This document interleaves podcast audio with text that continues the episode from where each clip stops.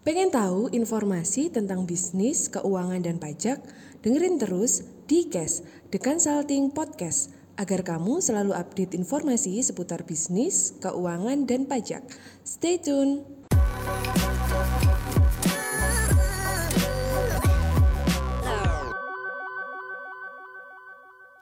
Halo, selamat malam semua follower setia The Consulting. Jadi seperti yang kita tahu ya, mungkin masa-masa ini masa-masa yang cukup sulit gitu buat buat para pebisnis gitu ya. Eh, banyak sekali lah isu-isu yang mungkin mengganggu gitu bagi bagi keberlangsungan suatu bisnis ya Eh, banyak beredar isu resesi ya tahun depan ekonomi gelap lah ya semua serba sulit lah ya. Dan macam-macam berita-berita yang mungkin justru membuat pelaku bisnis ini deg-dikduk gitu ya.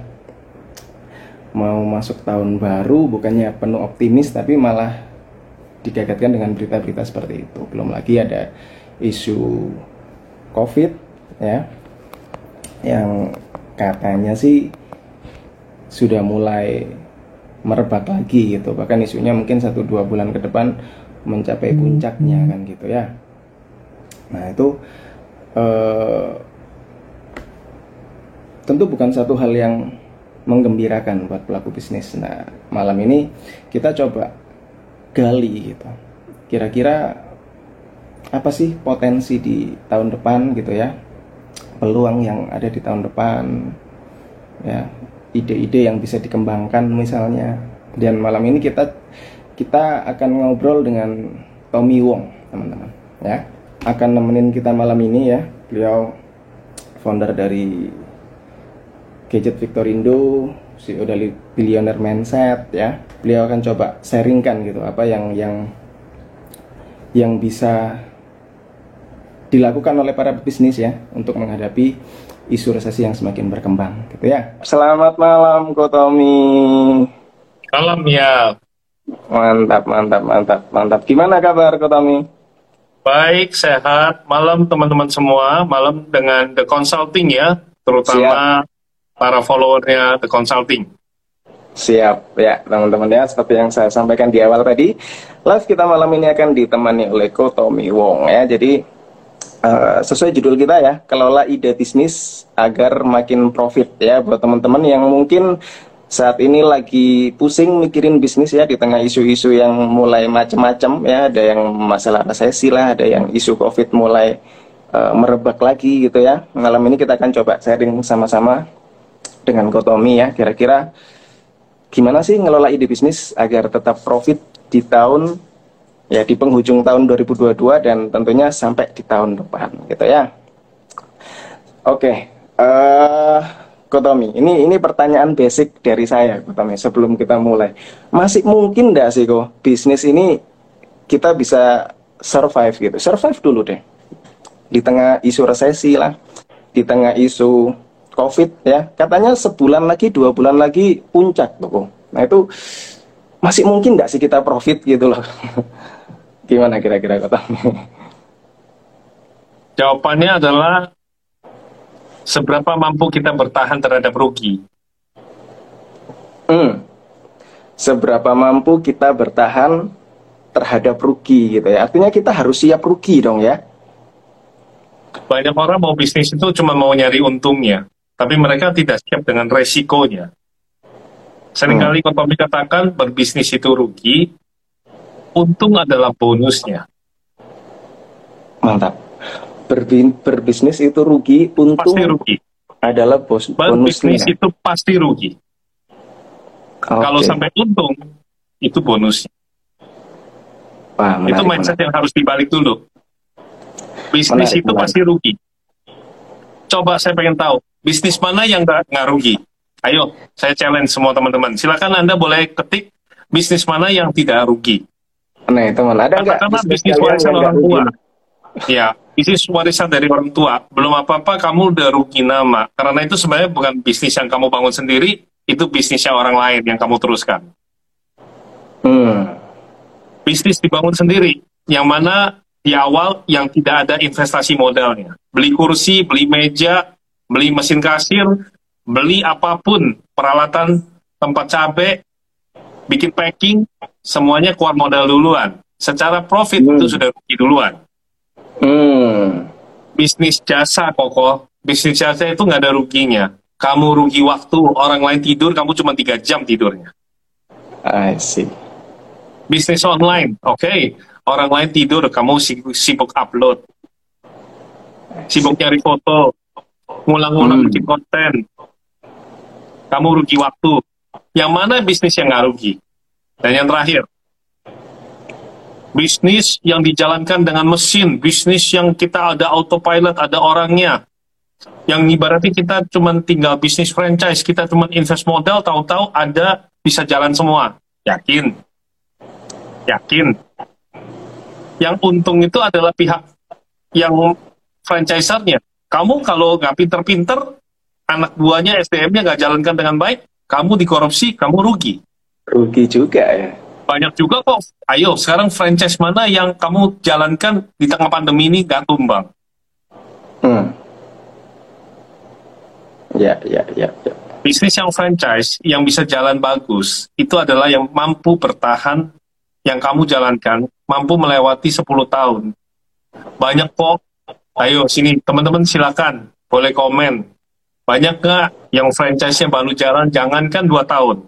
Baru jalan beberapa bulan aja udah nggak ada pengunjung. Awal-awalnya cuma penonton ataupun pembeli bayaran. Hmm. Jadi kesimpulannya berbisnis pasti rugi. Jadi itu wajar. Kalau sampai wajar. untung itu adalah bonusnya. Dan manusia ketika dia sudah berpikir pola mindsetnya bisnis itu pasti rugi, dia akan hati-hati, dia akan belajar dari ilmunya mereka yang sudah menjalani, mereka yang sudah pernah jatuh dalam lubang. Dan otomatis mereka tidak akan jatuh dalam lubang yang sama. Makanya kenapa kita perlu belajar dari orang lain, terutama hmm. mereka yang sudah lebih pakar. Saya tanya sama brother ya. Iya kalau satu orang chef yang hebat itu dia gimana caranya supaya dia dari seorang chef dia bisa jadi chef yang lebih hebat lagi gimana caranya? Dia belajar dari master-master chef lainnya kok. Oke, okay, tadi ada yang bilang apa bisnis impian ya itu yang jualannya bohongin orang itu merugikan orang lain itu udah merugikan orang lain ya nanti ruginya adalah kamu di penjara kalau kamu bisnis impian bisnis bohongan Kemudian ada duta mengemudi Banjarmasin. Jawabannya bagus. KFC, McDonald. Yes. Coba tanya investasinya berapa di awal KFC sama McDonald kalau kamu mau ambil franchise-nya. Mahal nggak? Belum apa-apa sudah rugi miliaran. Ayo, saya challenge deh, yang mana bisnisnya yang nggak rugi duluan di awal? Bisnis itu pasti rugi. Rugi waktu, tenaga, uang, modal, dan sebagainya. Kalau untung itu adalah bonusnya. Ini dipahami dulu. Kalau ini dipahami hmm. dulu, pasti kamu akan menjalani dengan lebih ikhlas, lebih legawa. Nah, hmm. balik lagi tadi, saya tanya, kalau misalnya sekarang mau jadi seorang koki yang hebat, gimana caranya seorang koki biasa bisa jadi koki yang hebat? Saya tanya, brother. Ya. Teman-teman juga boleh bantu dia jawab. Belajar dari master-master chef yang lain. Yes. Artinya, kita kalau punya satu bisnis, misalnya kuliner, makanan, ya kita belajar sama role modelnya yang di bidang bisnisnya makanan. Seringkali teman-teman itu semua mentor diambil ilmunya. Hmm. Ya, ya, ya. Wah, si itu ngomongnya keren. Padahal dia bisnisnya adalah transportasi. Wah, si itu pengusaha itu ngomongnya keren. Dia bisnisnya supermarket. Semua ilmu ditampung di otak, nggak ada eksekusinya. Sepak, hmm. kaget kok banyak ya orang pintar, saya kok bodoh ya? Ya karena kamu perbandingan dengan orang yang pintar. Tapi coba kamu lihat, dengan pengusaha yang bangkrut, jatuh, gak karu-karuan. Kamu belajar dari dia. Kamu lihat penderitaan orang lain lebih besar dari kamu, membuat kamu jadi makin pintar. Hmm. Aku tanya sama brother dan teman-teman semua. Ya. Manusia itu, kalau lihat orang lain lebih hebat, mereka iri, mereka minder. Ya. Wajar? Ya. Sepakat. Gimana caranya mereka senang? Mereka akan senang kalau tahu ada yang ruginya lebih banyak dari mereka. Saya kena pinjol 15 juta, mau mati rasanya. Oke, okay. tapi begitu tahu, Wih, gila ternyata ada Kotomi Wong, ruginya bangkrut MM-an, tapi bisa bangkit lagi. Lumayan ya, gue cuma 15 juta. Jatuhnya bersyukur ya gue. Nggak sampai rugi MM-an. Ya, gue mau lanjutin hidup lagi deh. Tadinya udah mau mati, tiba-tiba dia mau hidup. Karena apa? Dia lihat ada orang lain yang lebih susah. Jadi susah lihat orang lain senang, senang lihat orang lain susah. Begitu lihat orang lain susah, dia senang tiba-tiba. Wajar nggak? Wajar. Makanya Kotomi tadi mengubah bisnis itu pasti rugi. Nah ini dipahami dulu. Jadi buat karyawan jangan tiba-tiba mau loncat jadi pengusaha. Pengusaha. Ya, ya, ya, ya, ya. Pengusaha sendiri peng dan usaha itu sebenarnya merupakan satu singkatan. Itu pengnya itu ada n-nya, ada ibarat kalau kita bicara itu ada n-nya. Apa pun itu hmm. ada gandengannya. Pengusaha hmm. itu namanya adalah orang yang pengen usaha. Dia itu pengen usaha pagi, siang, malam. Dia itu pengen kerja. Jadi hmm. pengusaha itu lebih berat daripada mereka profesional yang kerja sama orang. Jadi jangan hmm. sampai teman-teman wah saya ini pekerja, cuman gajian, gak cukup, saya pengen jadi pengusaha, jadi pebisnis supaya kaya. Salah mindset seperti itu. Begitu hmm. kamu masuk ke posisi pengusaha, itu singkatannya adalah pengen usaha. Pengen usaha. Iya, jadi pagi siang malam dia tuh harus mikirin apa usaha saya untuk menghidupi gaji karyawan. Kalau yang namanya karyawan, tanggal 28 sudah mulai bisa tenang dapat gajian. Pasti dapat. Ya, ya, ya, ya. Coba ya. kamu tanya sama pengusaha, tiap tanggal 28 dia mesti mikir keras. Kalau bulan ini bayar gaji orang pakai apa? Bayar tagihan rumah pakai apa? Bayar cicilan pakai apa? Hmm. Kalau kamu sebagai profesional, kamu punya income yang tetap. Jadi ini malam ini juga Kotomi info kepada teman-teman semua, jangan sembarangan jumping dulu, jangan sembarangan loncat hmm. dulu. Sebenarnya resesi nggak bikin kita mati, tapi yang bikin hmm. kita mati adalah gengsi, bukan resesi. Nah ini poin hmm. nomor satu. Yang hmm. bikin kita akan mati adalah gengsi, bukan resesi. Hmm. Ya, ya, kalau ya, bicara kotomi, kalau memang kotomi bilang tidak ada uh, resesi, tunjukin marketnya mana yang bisa bikin kita nggak resesi. Saya tadi barusan sharing ditanya mentor, ada lima market yang bisa kamu fokus di resesi ini. Satu, nah, kita itu. barusan kemarin tahu, Tahu kan ada satu mall yang heboh dibanjiri para wanita untuk melihat seorang pria saja. Yeah. Dan itu viral di TikTok. Ramai, wanitanya berbondong-bondong datang semua. Jadi market nomor satu menghadapi resesi adalah fokuslah pada wanita. Karena wanita oh. akan berjuang buat kamu kalau kamu pinter menyenangkan mereka, memutihkan wajah mereka, mencerahkan wajah mereka, membuat mereka lebih langsing, lebih cantik, dan sebagainya. Hmm fokus pada wanita. Yes, Margiono benar. Yang bikin kita mati adalah gengsi, bukan resesi. Yang kedua, market orang tua. Orang tua sekarang banyak yang ketinggalan. Mereka shock dengan kemajuan teknologi. Jadi mereka terabaikan. Kalau kita bisa fokus pada marketnya mereka, kita tahu caranya. Seperti Kotomi bisnis dagang handphone di Mopuri Indah. Saya tahu sekarang handphone dari brand langsung jual ke user. Oke, okay, saya nggak dapat marginnya sebagai orang tengah, sebagai distributor. Tapi saya fokus pada orang tua yang gaptek. Jadi toko saya hmm. selalu melayani orang tua yang datang, yang nggak ngerti handphone, yang nggak ngerti WhatsApp, yang anaknya nggak punya waktu ngajarin, yang anaknya nggak hmm. peduli sama mereka, mereka siang hari punya uang banyak, mereka datang ke mall, mereka jalan-jalan. Hmm. Dan mereka kadang-kadang dengan malu, mereka mau nanya sama cucunya juga malu, takut dibilang gaptek, mereka datang ke tokonya Kotomi, dan saya layani. Sekali hmm. saya melayani orang tua itu bisa dapat tipsnya 100 ribu, 200 ribu, jauh lebih besar daripada untung profitnya handphone yang cuma 10 ribu. Hmm. Jadi handphone itu omsetnya besar tapi marginnya kecil. Yeah, iya, Fokus yeah, yeah. pada bidang yang tidak dikerjakan orang lain. Kotomi, Kotomi bagikan seperti ini, Kotomi nggak takut rugi. Nanti muncul pesaing hmm. loh, nanti pada niru Kotomi semua. Hmm. Saya tidak pernah khawatir kalau membuka lapangan rezeki orang lain. Kalau ini ditiru oleh mereka yang di Banjarmasin, di Papua, silakan saja. Itu mencerahkan lapangan pekerjaan orang lain. Hmm. Ada yang mau bukan di Purwinda, bertetanggaan sebelah sama Kotomi, juga tidak apa-apa. Saya tidak takut persaingan. Karena sebenarnya kompetitor dan persaingan adalah batu asa yang membuat kita semakin tajam. Hanya dengan kotomi disaingi akan saya membuat saya punya akal untuk berpikir what the next step. Hmm. Apa yang harus saya ciptakan untuk berbeda. Begitu juga ketika saya taburkan ini melalui live, ini ilmunya sudah keluar, brother. Di dalam diri saya sudah mulai kosong. Ilmu ini sudah keluar maka apa yang keluar akan diisi kembali oleh Tuhan. Selama tujuannya adalah kebaikan. Hmm, nice, nice, saya nice, memang nice. mengosongkan diri. Saya memang mengosongkan diri. Apa yang sudah Tuhan kasih saya, saya kasih kepada orang lain. Dan saya tidak khawatir dengan kompetitor, karena belum tentu orang lain bisa berbuat lebih bagus dari saya. Ada yang dengar sharing saya juga belum tentu dia action. Ada yang banyak hmm. dengar, tapi mereka juga nggak jalankan. Jadi saya nggak usah iya, khawatir iya. dengan kompetitor. Iya. Pak Tommy, saya takut, saya nggak mau sharing. Saya khawatir ilmu saya dicuri orang. Ilmu bisa dikopi, ilmu bisa dicuri, bisnis bisa ditiru, apa pun bisa dikopi, tapi tidak dengan rezeki.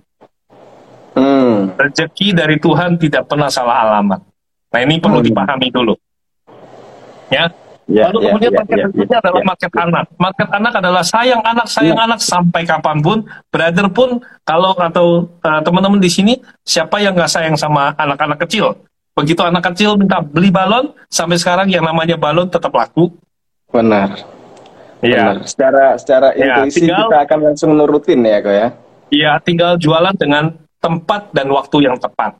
Kadang-kadang kamu jual balon tengah malam, anak kecil yang udah tidur, siapa yang beli? ya, ya, ya, Jadi ya, jualan ya, pun harus di tempat dan waktu yang tepat. Market berikutnya adalah market cinta. Market cinta, cinta. siapa yang bisa menggunakan logika ketika cinta sudah bicara.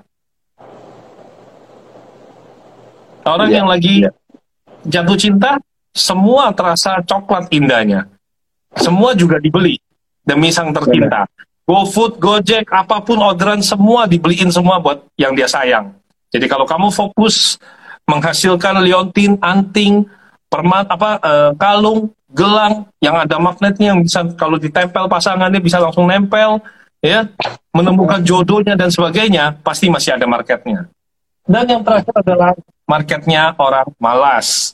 Marketnya orang malas bukan berarti pemalas, tapi malas oh. untuk berinteraksi sama orang, malas untuk keluar rumah. Kaum kaum ini tercipta ketika kemarin pandemi mereka Pandemi, ada benar, benar. kemungkinan besar sebagian adalah konten creator, mereka yang biasanya kerja di rumah, ya. Tenolon. Oke, okay. sukses buat semuanya, sama-sama. Uh, orang malas ini adalah mereka yang malas untuk berinteraksi dengan kerumunan. Ya. Oke, okay. saya nungguin Kotomi di Idea Cloud. Oke, okay. saya juga kemarin ke Surabaya. Tapi uh, untuk Idea Cloud saya sudah dua tahun yang lalu. Jadi teman-teman bisa nyimak di sini ya. Thank you. Apa ini? Duta mengemudi pasien. Baik. Jadi ada lima market. Ini aja udah lima market. Ide yeah. bisnis, resesi dihadapi dengan mindset mengerti bahwa masih banyak opportunity. Jadi resesi bukan akhir segalanya. Hmm. Pandemi yang begitu hebat aja, penyakit yang begitu hebat aja, kita masih bisa survive. Bisa lewat, Jadi, ya. ya, bukan resesi yang bikin kita mati, tapi gengsi. Gengsinya, ya. Apa itu resesi? Resesi tidaklah menakutkan dibanding dengan gengsi. Yang terpenting dalam berbisnis, dalam bekerja, kita tidak membuat orang lain rugi. Oke. Okay. Okay. Dan walaupun dalam prosesnya teman-teman bisa tertatih-tatih terkadang meraih apa pun yang kamu impikan itu membuat kamu pedih karena tidak kesampaian.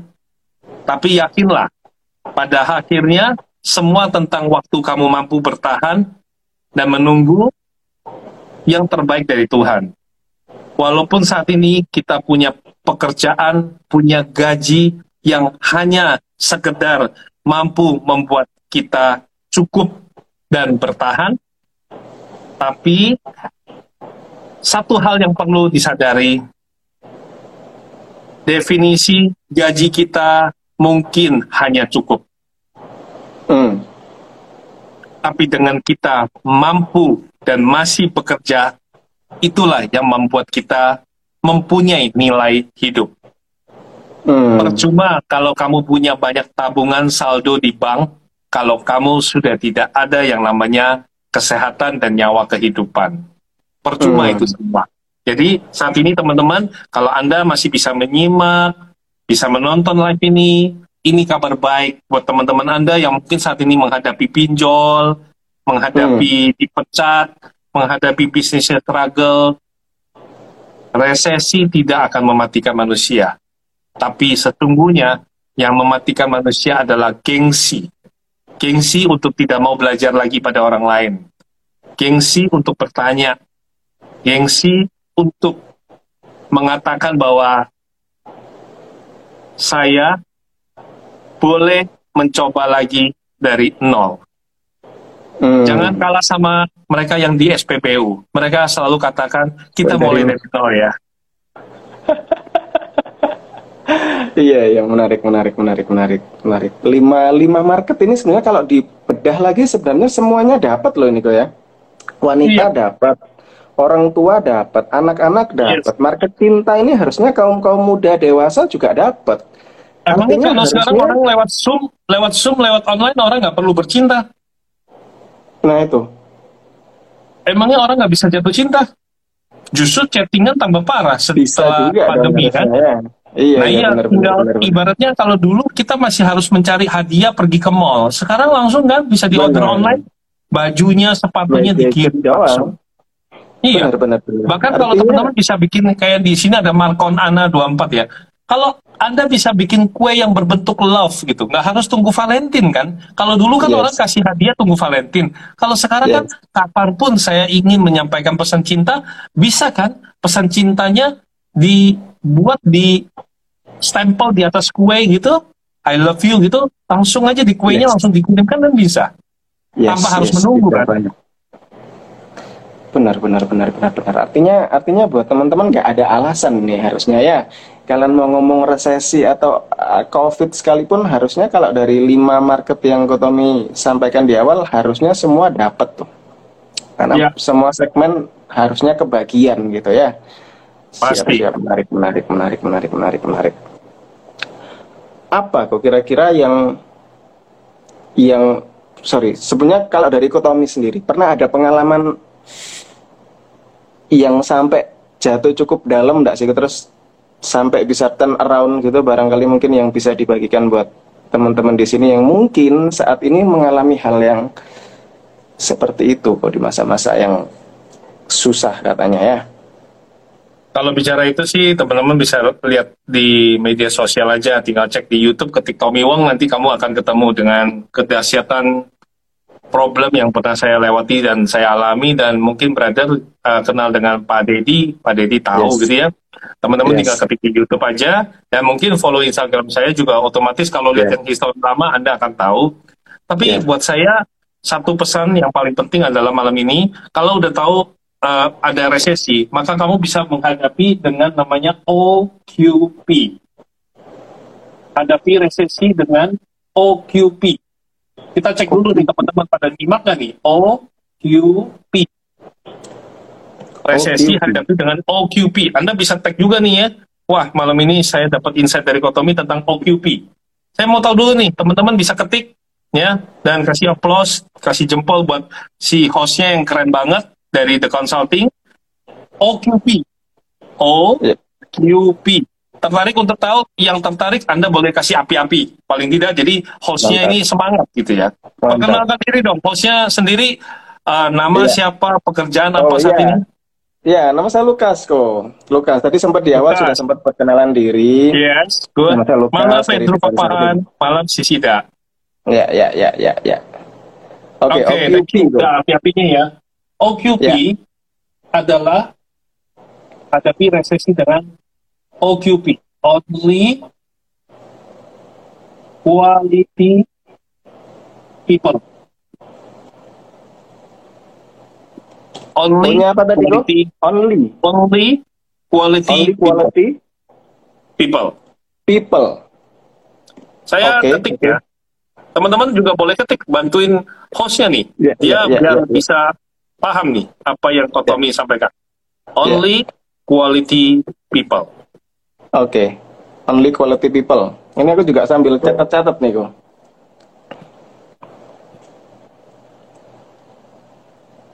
Nah, boleh dipin apa itu OQP? Malam Fauzi Peng, malam teman-teman semua. Anda bisa capture ya. Yeah. Only quality people. Ya, yeah, thank you. Johan Gunawan, Packing the Clover yang bebeknya selalu terkenal enak ya. Hadapi resesi dengan OQP. Selama ini, kamu mungkin bangga kamu punya WA group banyak. Kamu punya teman-teman banyak. Tapi sering, sering kali Ya, thank you Sisida, thank you Tirta dan teman-teman semua. Seringkali kita itu saking banyaknya teman, kita itu terdistrak. Kita berteman dengan siapa saja, seakan-akan itu adalah market yang besar. Percuma. Hmm. Menghadapi resesi, kamu justru harus menggunakan OQP. Apa itu OQP? Jadi kamu hanya bergaul dengan only quality people. Only quality people ini adalah kamu bergaul dengan orang-orang yang memang punya kontribusi kepada kamu.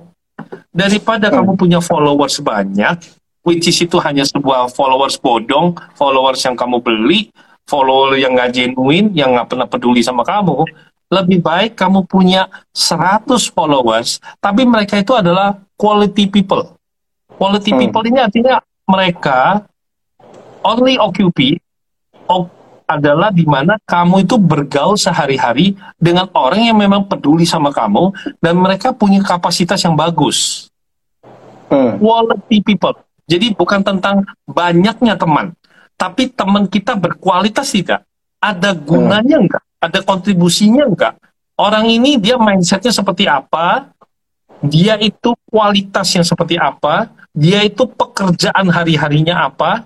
Dia itu punya kontribusi apa? dan manfaat dia sendiri di masyarakat apa? Karena banyak orang pintar tapi belum tentu bermanfaat bagi masyarakat. Yang ada banyak juga orang pintar sudah pandemi meresahkan masyarakat dengan meminteri orang lain. Hmm. Menjual investasi bodong.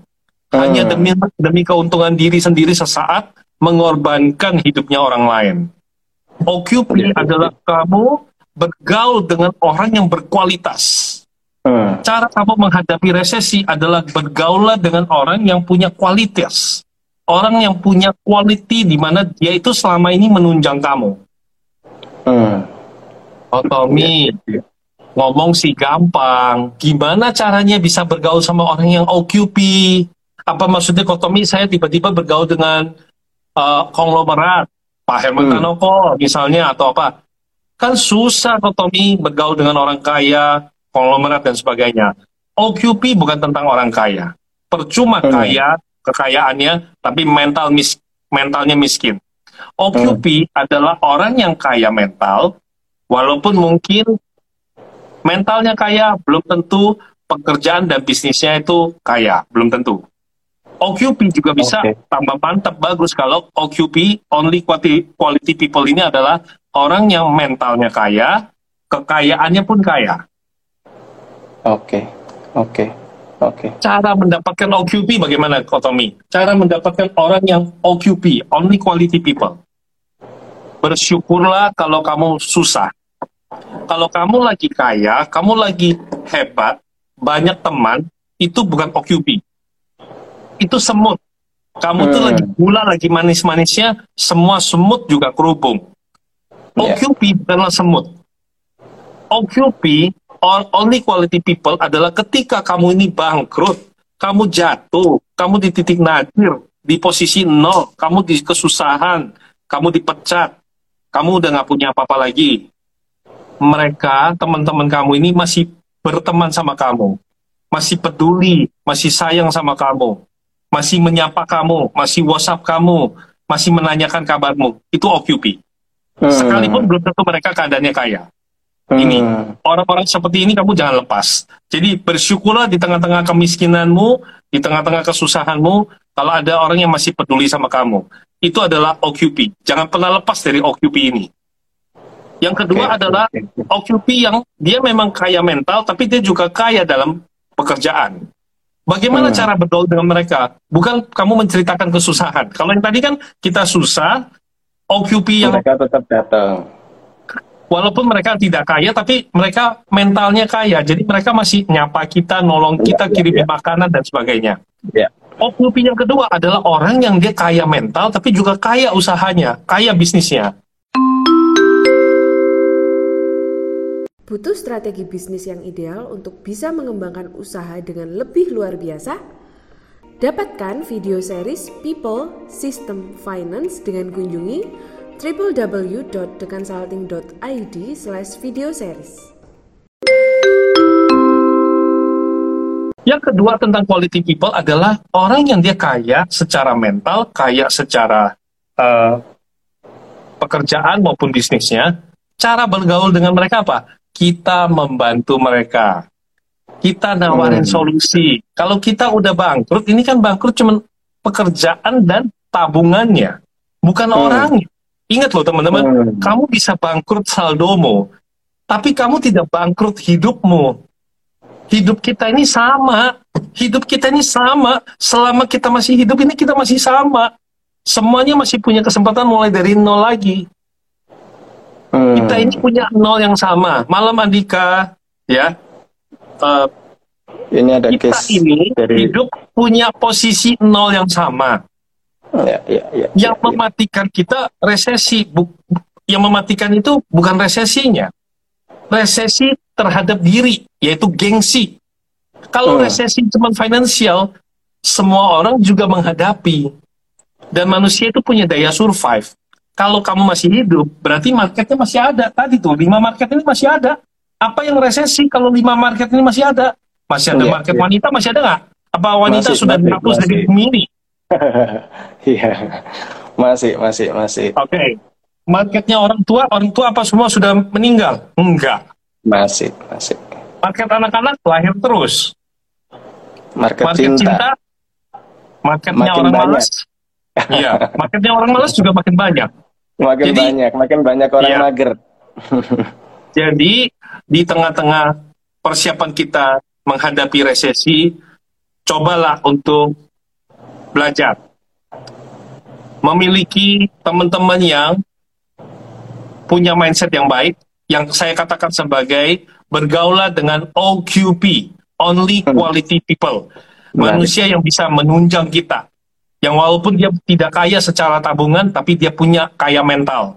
Yang kedua, dia memang kaya mental, juga kaya finansial. Cara bergaulnya adalah kita menawarkan jasa kita kepada mereka. Kita bantu hmm. mereka dulu. Jadi bukan hmm. uangnya dulu, bukan gengsinya dulu. Kamu mau kasih saya kerjaan apa? Saya sudah bangkrut nih. Hmm. Kalau kamu mau bantu saya, kasih saya pekerjaan yang bagus jadi manajer. No. Hmm. Justru kamu kita yang nawarin ya saya sudah bangkrut nih, kamu kan kaya raya, kamu bisa nolong saya berapa, kamu bisa gaji saya berapa. No, it's not about hmm. that. Mau bergaul dengan orang yang kaya mental dan kaya finansial, kamu harus punya kontribusi. Kamu apa harus yang punya bisa kita berikan. Yes, jasa apa, ide apa. Ide di otak kan nggak hilang. Kamu bangkrut yeah, yeah. di tabungan tapi kan tidak hilang ide. Kalau hilang di otak ini kamu udah gila. Iya, iya, iya. Nah, itu baru resesi. kalau kamu cuma bisa bikin orang lain kalau kamu cuma bisa bikin orang lain rugi, itu juga resesi. Itu yeah, yeah. rese. Mendingan mati. Itu namanya rese, mendingan mati. Itu resesi banget. Orang kayak gitu rese banget.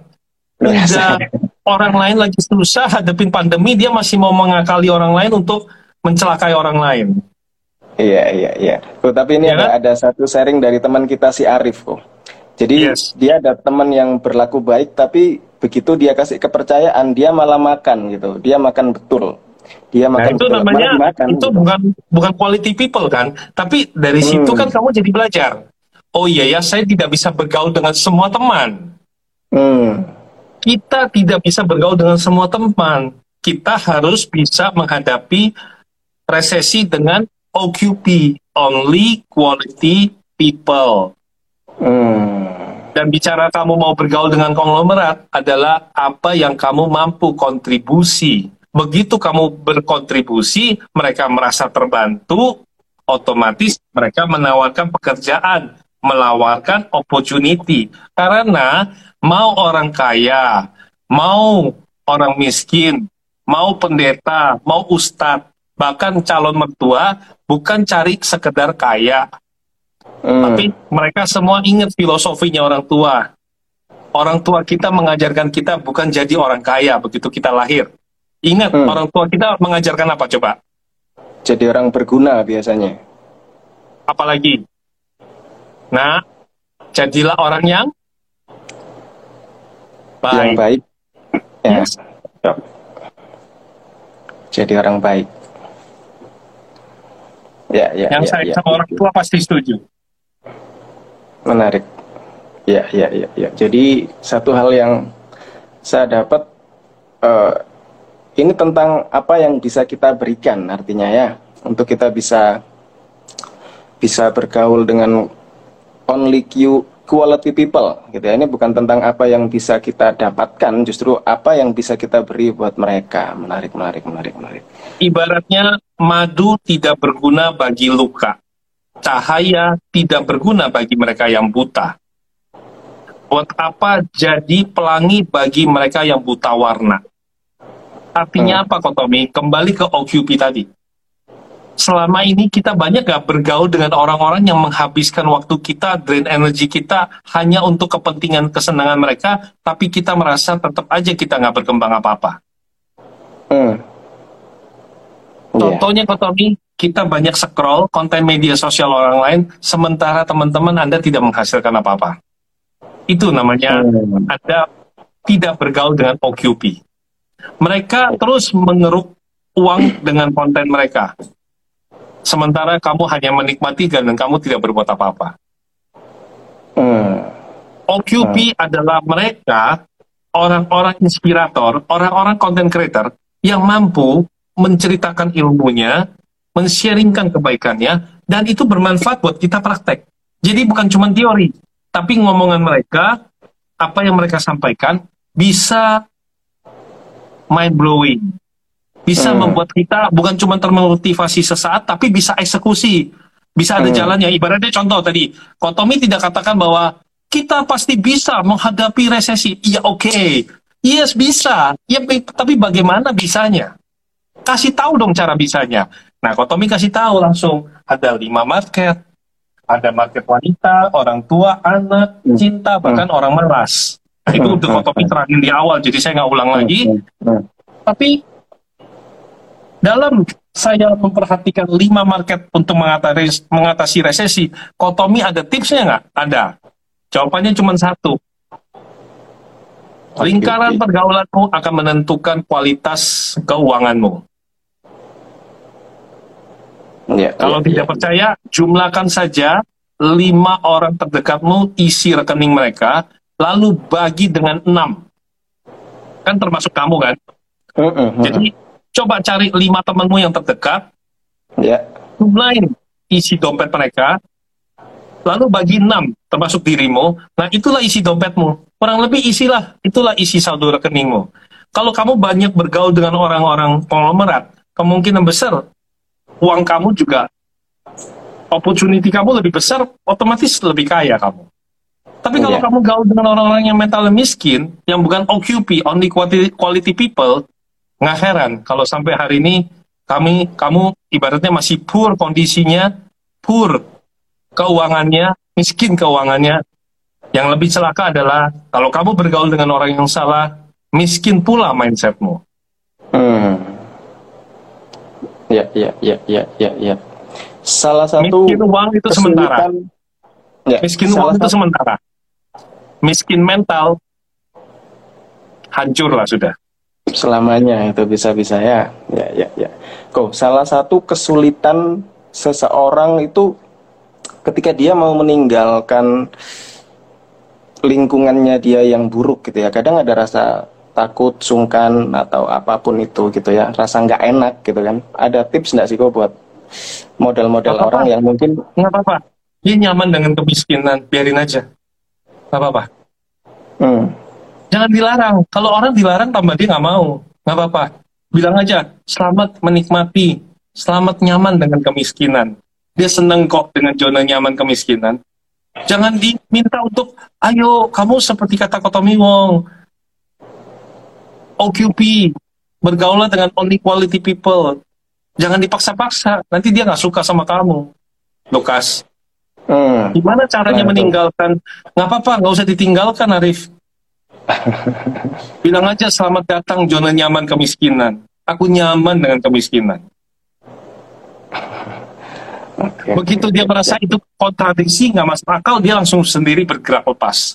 Orang tidak akan bisa melepaskan dirinya dari lingkungannya, melepaskan diri dari orang-orang di sekitarnya selama dia masih nyaman. Hmm. Jadi nggak apa-apa, jangan diganggu. Emang dia nyaman dengan kemiskinan, biarin saja. Hmm. Orang akan meninggalkan tanpa kita suruh, tanpa mereka kita paksa, mereka akan meninggalkan ketika mereka sudah tidak nyaman. Hmm. Jadi nggak apa-apa. Yeah, yeah, mereka yeah, masih yeah. nyaman dengan zona kemiskinan. Kalau yeah. tidak bisa meninggalkan teman yang toksik, tidak bisa meninggalkan lingkungan yang buruk, tidak bisa meninggalkan keluarga yang membuli, nggak apa-apa berarti kamu nyaman dengan kemiskinan.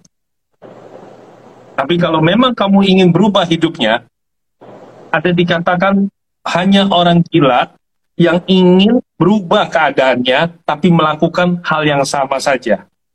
Berada, berada dalam lingkungan yang toksik, berada dalam kondisi dibully terus-menerus, berada dalam satu kantor yang tidak menghargai pekerjaan dia, berada dalam lingkungan orang-orang yang tidak bisa mensupport sistem dia, bergaul terus-menerus dengan para pembahas masa lalunya, maka memang dia nyaman dengan kondisi kemiskinannya. Memang dia miskin mental. Orang yang ingin kaya mental, ingin kaya finansial, dia akan meninggalkan zona nyamannya. Bergaulah hmm. dengan para perancang masa depanmu, bukan pembahas masa lalumu. Kalau kamu berada hmm. dalam lingkungan yang selalu ngenyek kamu, selalu menghina kamu, selalu membuli kamu, kamu nggak bakal maju. Bergaulah dengan orang-orang yang menyemangati kamu, yang percaya mimpi-mimpimu, yang mau menggandeng tangan kamu saat kamu susah, mau membimbing kamu, kasih kamu solusi ketika kamu bertanya ya, ya, mau ya, ya, ya. menjadi teman yang mendengarkan pandemi ini, Lukas, belum tentu orang itu susah datang ke kita mau minjam uang. Kadang-kadang hmm. dia hanya perlu sebuah ruang, ruang untuk didengarkan. Jadi teman-teman kalau kamu menghadapi teman-teman yang lagi kesusahan, miskin, jangan dihakimi dulu. Jangan dijajing dulu, apalagi digosipin. Wah dia jatuh susah, jangan-jangan dia mau pinjam uang nggak bisa hmm. begitu kita terhadap orang lain. Hmm, hmm, hmm. Ya, ya, ya, Untuk ya, mendapatkan ya. OQP dalam hidup kita dimulai dari diri kita sendiri. Kita lah yang harus justru malam ini Kotomi mengajak untuk teman-teman menjadi OQP. We are the quality people. Kita adalah orang yang memberikan satu ruang bagi mereka yang kesusahan. Kadang-kadang mereka bukan mau minjem uang, mereka hanya butuh sebuah ruang ruang untuk didengarkan. Begitu mereka selesai curhat, mereka merasa jauh lebih lega. Prinsipnya, brother ya, manusia itu dalam menyelesaikan semua masalahnya, dia hanya perlu bertahan. Karena pada prinsipnya, semua masalah itu akan selesai. Semua masalah hmm. itu akan reda. Semua gelombang di laut itu akan teduh kembali. Yang perlu adalah kemampuan kita bertahan. Karena, karena satu hal. Teman-teman mau tahu jawabannya? Malam Joni Tio, malam teman-teman semua. Kenapa Kotomi bisa katakan bahwa resesi bisa kita lewati asal kita mampu bertahan? Karena jawabannya bukan kemampuan yang membantu kita menyelesaikan. Tapi kemampuan kita bertahan kadang-kadang mendapatkan jawaban atas persoalan bukan dari diri kita sendiri, tapi dari orang lain selama kita masih mampu bertahan. Kita mampu hmm. bertahan, kita mampu sabar, kita mampu rela kuat menghadapi situasi yang sulit itu sesaat, sekian waktu, pasti akan persoalan itu selesai. entah itu datang hmm. dari diri kita sendiri yang tambah kuat kayak latihan fitness gitu ya dimulai yeah, dari yeah, yeah. barbel yang kecil makin lama makin kuat kita oh kemarin saya rugi 10 juta oke okay. saya bisnis lagi saya juang lagi oh saya udah untung 30 juta eh tapi saya rugi lagi nih kali ini ruginya 15 juta tapi nggak apa-apa otot-otot saya makin kuat akhirnya saya bisa berkembang ke 1 M atau kadang-kadang kita susah tapi kita masih mampu bertahan kita tidak nyerah kita tidak mengakhiri hidup ada jawaban dari orang lain Hmm. Tapi orang lain ini akan datang kepada kita saat kita mampu bertahan. Kadang-kadang kan pertolongan itu datang, kitanya sudah nggak tidak ada, kitanya sudah menyerah. Atasan baru rencana tiga bulan lagi mau naikin gaji kita, mau naikin pangkat kita, eh kita marah karena kita udah hmm. bertahan dua tahun, tapi kok tidak dihargai. Ternyata hanya perlu tiga bulan lagi aja kita udah naik jabatan dan kita dapat porsi yang lebih bagus secara gaji. Kadang-kadang bisnis juga seperti itu. Di fase tahun pertama sampai tahun tiga kok sengsara terus, rugi terus gitu ya. Eh ternyata sebenarnya tiga tahun lewat satu bulan itu ada investor mau invest. Hmm. Nah kan gila, sayang banget. Jawabannya ya, adalah ya, ya, ya, hadapilah resesi yang pertama dengan bergaul only quality people. Yang kedua adalah mampulah untuk bertahan. Mampulah bersabar untuk... dalam persoalan, bersabar dalam tekanan. Kemampuan kita resistensinya adalah bertahan. Thank you ya, buat ya, yang kasih ya, love terus nih ya. Saya Sesuai belum tahu nih siapa yang kasih love, tapi thank you, Arif.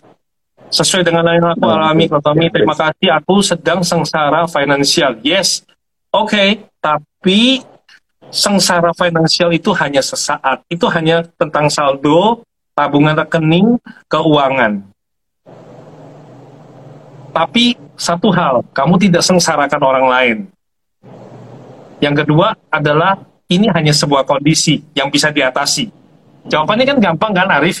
Kalau sekarang mendadak ada orang ngasih kamu uang untuk menyelesaikan masalah, selesai kan? Hmm.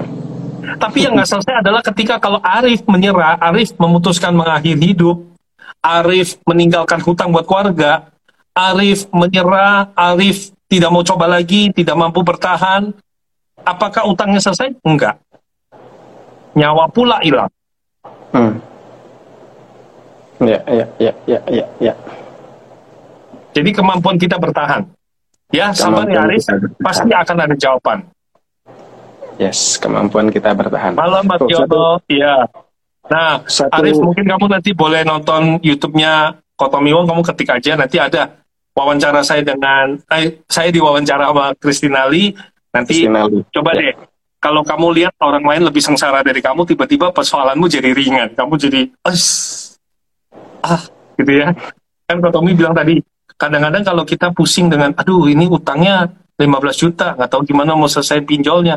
Eh tahu-tahu nonton nih YouTube Kotomi Wong sempat pernah berbisnis ruginya MM-an hmm. eh kok jadi tiba-tiba enteng ya? Saya jadi ketemu ada jalan keluar gitu ya.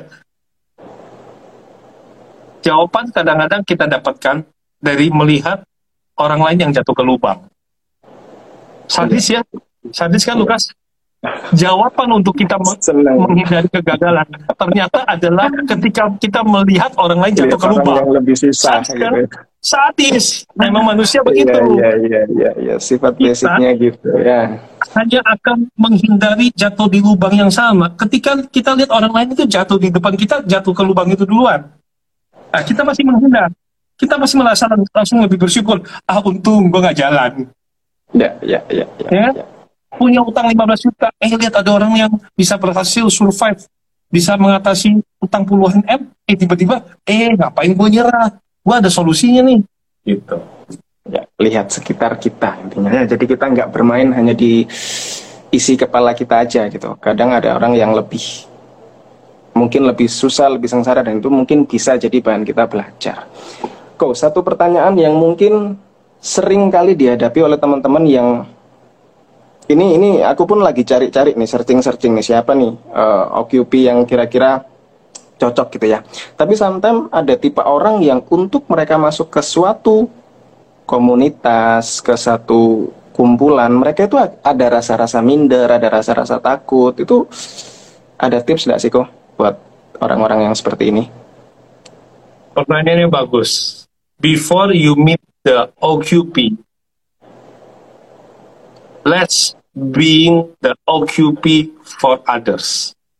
Sebelum hmm. kamu menemukan para teman-teman OQP, only quality people-mu, mulailah dari dirimu sendiri yang memperbaiki kualitas dirimu. Malam hmm. Yenti, ya. Nah, teman-teman, Anda bisa lihat bagaimana transformasinya si Yenti. Anda bisa follow Instagramnya. Hmm. Dia seorang pengusaha, desainer yang terkena pandemi. Situasinya sulit. Juga ada Rama ya. Itu seorang guru yoga.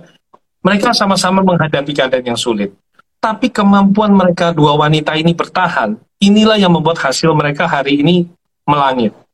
Hmm. Dua tahun pandemi harus mereka menghadapi dengan air mata. Ada yang sampai nggak tahu mau bagaimana lagi, ada yang sampai jualan es, dan mencari segala cara. Mereka menemui Kotomi, menceritakan persoalannya. Mereka nggak minjem uang, nggak. Mereka cuma hmm. cerita kesusahannya, dan ketika mereka bercerita, Kotomi memberikan beberapa perspektif dan mereka tercerahkan entah itu melalui solusi maupun sharing lewat live seperti ini banyak-banyaklah teman-teman nonton-nonton live-live yang bagus gitu ya nonton mereka yang quality people itu jadi tiba-tiba mereka dapat insight kadang-kadang hmm. seperti Kotomi bilang bantuan itu belum tentu datangnya dari kita sendiri bantuan itu datang dari kemampuan kita bertahan dan datangnya itu bisa dari orang lain. Tapi kitanya harus mampu bertahan dulu. Nah, mereka hmm. para wanita pengusaha ini yang Yenti maupun Rama ini adalah yang mampu bertahan. Hmm. Dan ternyata mendapatkan jawaban. Tiba-tiba ada pihak government yang meminta diajarkan yoga. Lalu dari si desainer ini, dia memperbaiki, baik itu dari segi logonya, Instagramnya, cara dia mentreatmentnya, menghargai klien-kliennya, cara bicaranya, public speakingnya, dan banyak hal.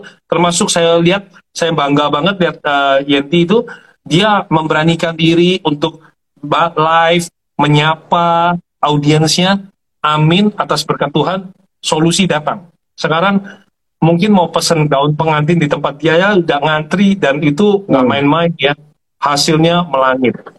Hmm, hmm, hmm, hmm. Ya, ya, ya, ya, ya, ya. Tadi ada yang tanya juga nih kok. Setiap hari, ya bagaimana mencari teman OQP sedangkan kita masih di perantauan kok? Nah, pertanyaannya secara gini. Bagaimana kamu mau mencari OQP? Persoalannya bukan di perantauannya. Tapi kamu sendiri apakah adalah quality people? Hmm. Wilson Wijaya, halo, ya ya kan sebelum kita mencari pasangan yang baik sebelum kita mencari mentor yang baik sebelum kita mencari teman yang baik sudahkah kita menjadi orang yang baik hmm. kontribusi kita apa kepada orang lain ya ya ya ya ya ya, ya. ya? Tidak mungkin kita dapat rezeki baik dengan cara yang salah saya ulangin hmm. ya ini kalimatnya benar-benar teman-teman bisa resapi. Mana mungkin bisa dapat rezeki yang baik dengan cara yang salah? Hmm. Mana mungkin bisa punya masa depan yang baik jikalau kita bergaul dengan orang yang salah? Ya, ya. Mana mungkin bisa dapat mentor yang baik? Mana mungkin bisa dapat jodoh yang baik jikalau belum ikhlas meninggalkan orang yang salah, yang menyakiti. Hmm. Ya, ya, langsung, ya, ya. langsung Lukas gini gini. Ya, benar, benar, benar, benar. Jadi fokus kita dulu gitu ya, artinya yang jadi OQP gitu. Jadi begitu kita udah jadi orang baik, mungkin untuk masuk kita juga lebih layak dalam tanda kutip gitu ya, kok ya ibaratnya gini lah, bisnis sama cinta mirip. Bisnis sama cinta mirip.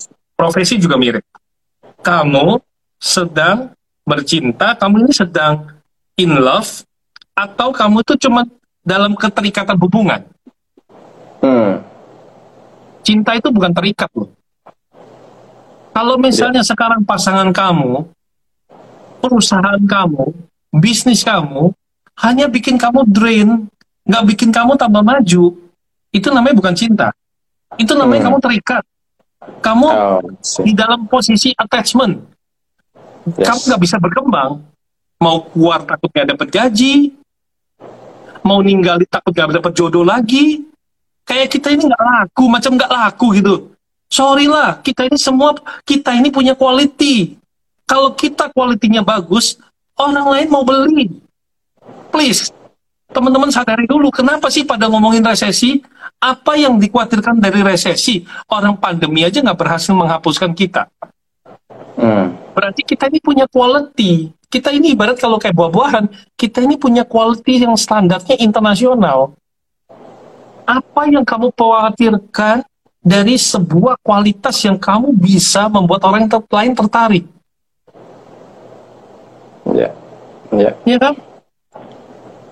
Kita ini kalau punya satu quality, harusnya di dalam bisnis, di dalam profesi, di dalam jodoh pun, kalau kita itu bisnisnya, kita itu yakin, bukan meyakinkan orang lain. Kita kadang-kadang pengen investor, kita pengen meyakinkan orang lain.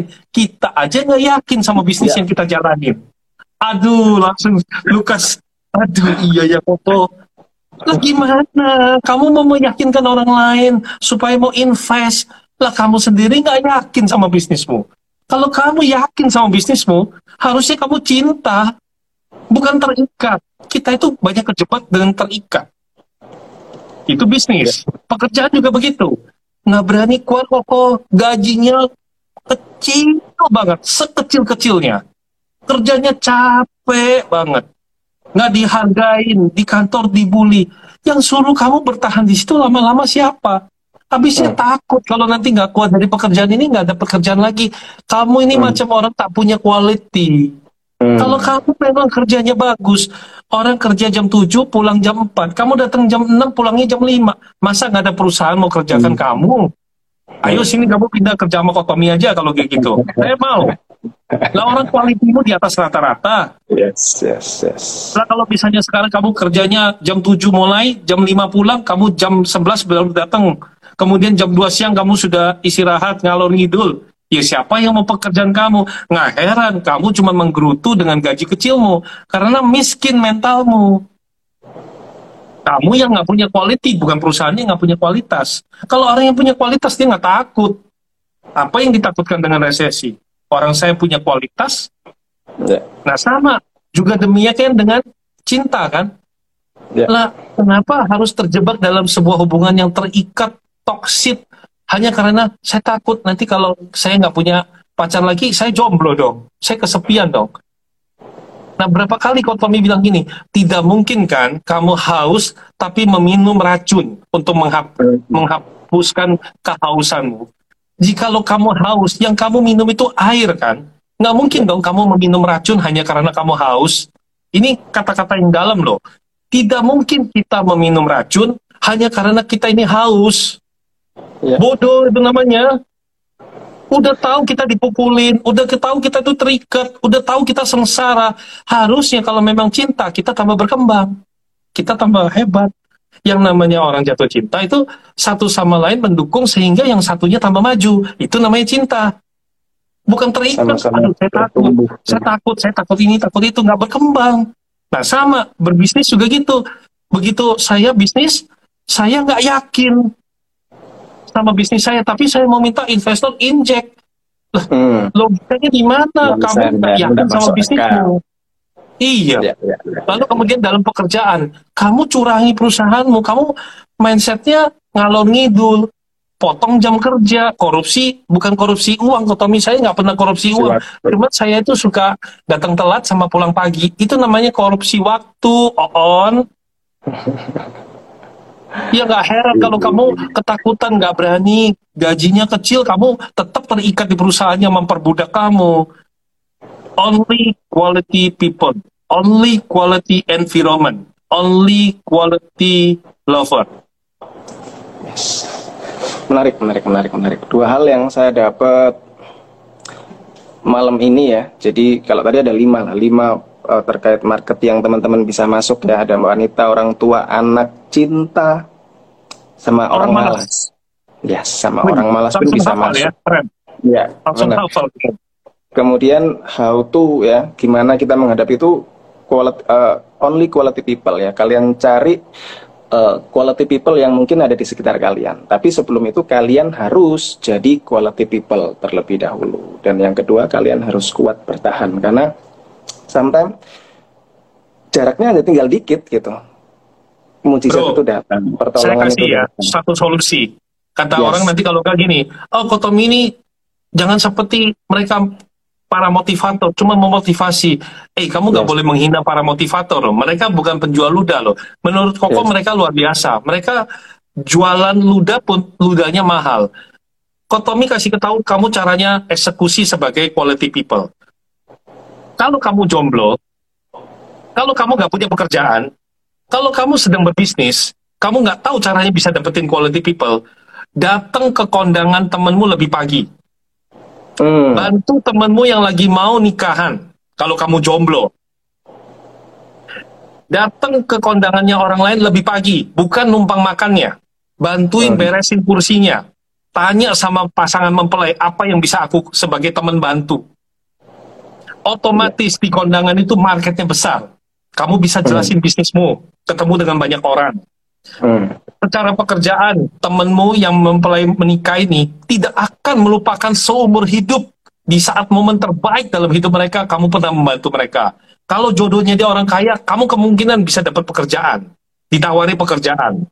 Bahkan kamu kesempatan bisa jadi IO karena kamu dianggap hmm. mampu mengurusi semua. Hmm. Itu udah rezeki semua.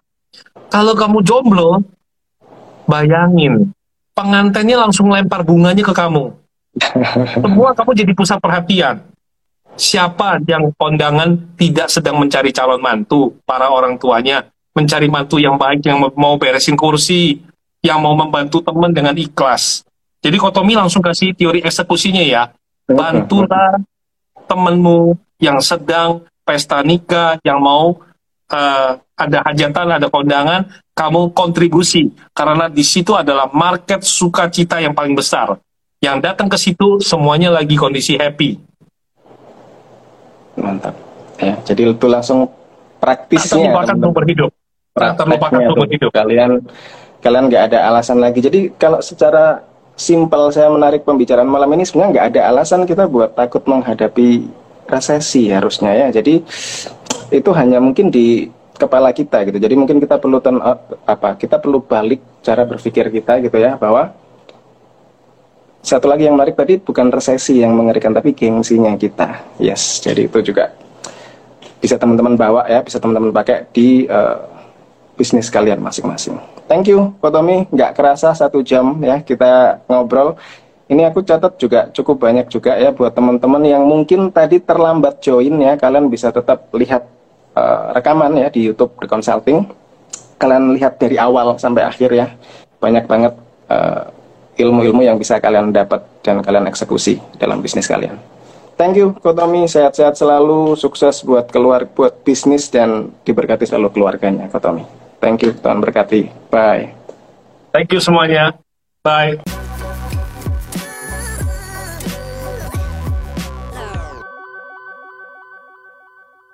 Terima kasih sudah mendengarkan Tikes. Sampai jumpa di episode berikutnya ya.